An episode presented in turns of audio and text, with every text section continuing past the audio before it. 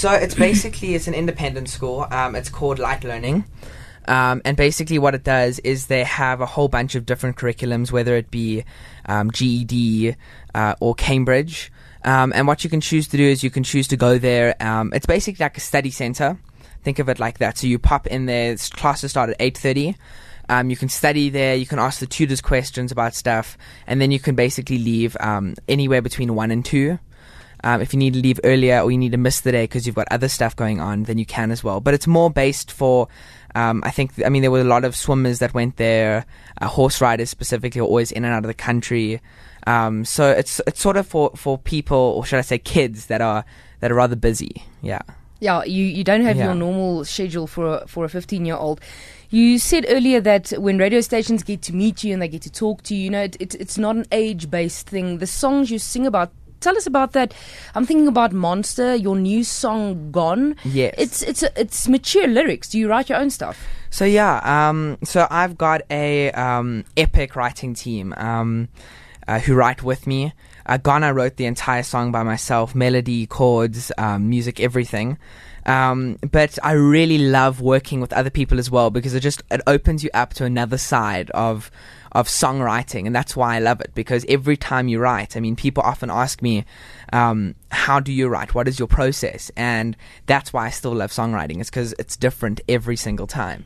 So, like with Monster, um, my pianist um, and uh, friend uh, Andre Skippers, he wrote Monster with me. Um, as soon as we wrote that, we just knew that it, that it was going to be great. Um, and it wasn't even about the, the success of the song. It was more about actually having a song that we really, really liked. Because at that time, I just started my writing. Um, I think I just dropped my debut single, You Know. Um, it didn't do too well. It just like washed off the sh- the charts. Um, it didn't even make the charts, or should I say, radio stations. Um, and then Monster came along, and we were just really amped for it. So yeah. Tell me about that feeling when you recorded your first single and it didn't even make it onto the charge, charts, as you said. It was the first step towards launching your career as a young Yeah. artist, and then whoop, it, it's gone. How did how, how did that feel? Um, you know, it felt it felt quite um I wouldn't say upsetting. It made me a bit despondent towards my music. Um but after a few days, I was sort of like, okay, you know, there's nothing you can do about it, and I've just got to keep writing. And my whole team was telling me, Josh, you can't give up. Um, and that was the main part of how we created Monster. Um, because, you know, you know, also getting to know me as a, as a kid, um, radio stations also, I- I wouldn't say they don't trust kids. I would say that they just need to get to know them first. So I think with you know that was sort of a my open to the industry, whether it made radio or not. It's I think without you know I wouldn't have been able to have the success that I had with Monster. And when you listen to Monster and you don't know who Josh Middleton is, you won't suspect the person singing the song is 15 years old. Yeah. Is that how you intended it? Well, you know, I don't think I intend it. Um, I just think that's just the way I sing. Um, and I think um, the feelings, people often think that like kids don't have feelings and they won't understand those types of feelings. Um, but actually, we do. Um, and it's just, in my case, I'm able to just write it and put it out there for the public. Um, and I think if it comes across that I'm not 15, then yeah, I suppose it comes across like that. But um, definitely 15.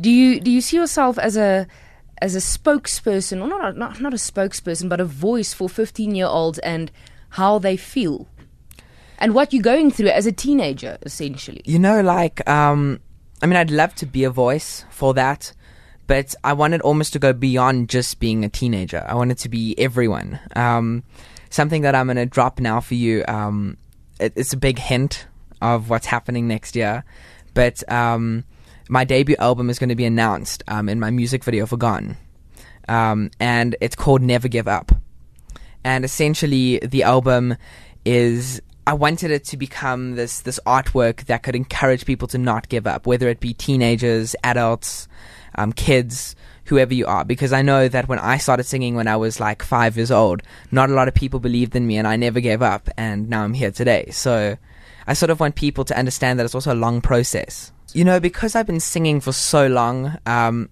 the first day I was petrified of it happening. And as soon as it started happening, I mean, people often say you're just going to wake up one, one morning and it breaks. That's really not what happened for me. What happened was, um, it sort of happened over a period of like the last 12 months. Um, or should I say even longer? I would say maybe 24 months. Um, but it gradually you start noticing the changes, and it's almost like if you know how to play piano, you just got to learn how to play guitar now. So it's it's almost like they they sort of. I think it's very hard. I think it was very hard for me, but after a while, um, because I never gave up, I was able to continue. Did your range change at all?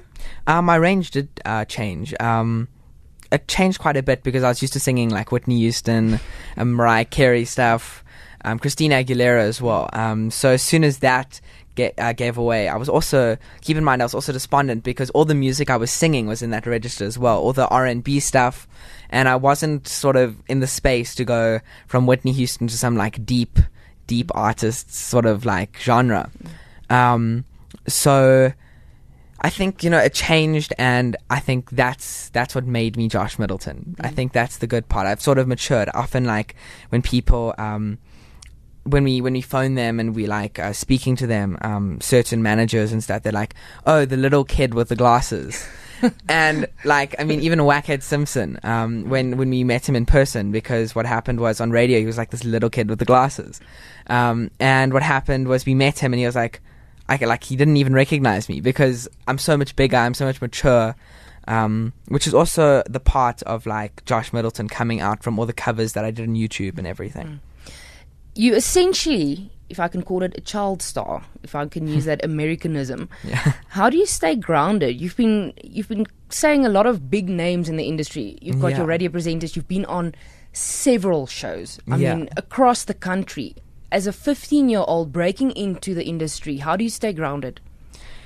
You know, I think my parents, um, my family, my friends, um, as long as I don't forget them, then I'll remain grounded, um, which is a good thing because I've still got a social life, which is something I didn't want to take out of me changing schools. Um, so staying grounded for me is more like, you know, really, Josh, your goal is to become internationally, um, to become an internationally acclaimed artist. So for the moment, I think you need to stay humble, and even when you get there, you got to continue to stay humble. So yeah, And remain a kid somehow. remain a kid. Yeah.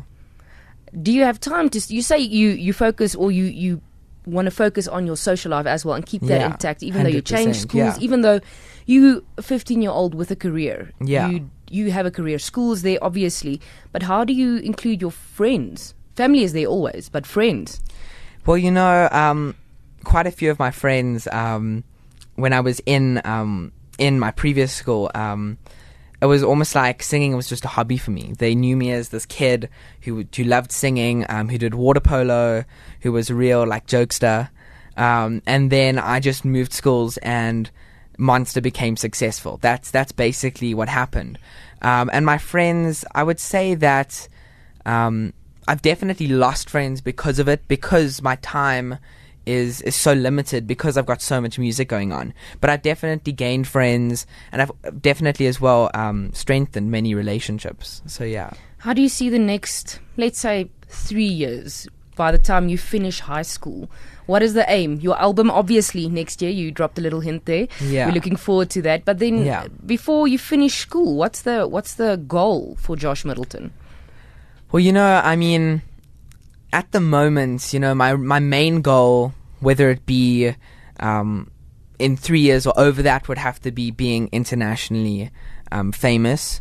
Um, but I, I would say in the next three years, just try and get as close as that, close to that as possible. Um, whether I end up performing at Joburg Day in three years, or maybe I perform at Joburg Day um, next year, or maybe I'll perform there in five years. As long as I can, I can say that I've tried my hardest to get to my end result. Josh our listeners if they want to get in contact with you download your singles buy your CD next year and just Yeah. follow you on social media how can they get in contact with you where can they follow you Yeah. So um, uh, my latest single, Gone, as well as Monster and You Know, um, and my album next year will be available um, on iTunes, Spotify, all the digital platforms, including YouTube. Um, and you guys can follow me on Instagram, Twitter, Facebook, all of them, and the tag is at Josh Middleton SA.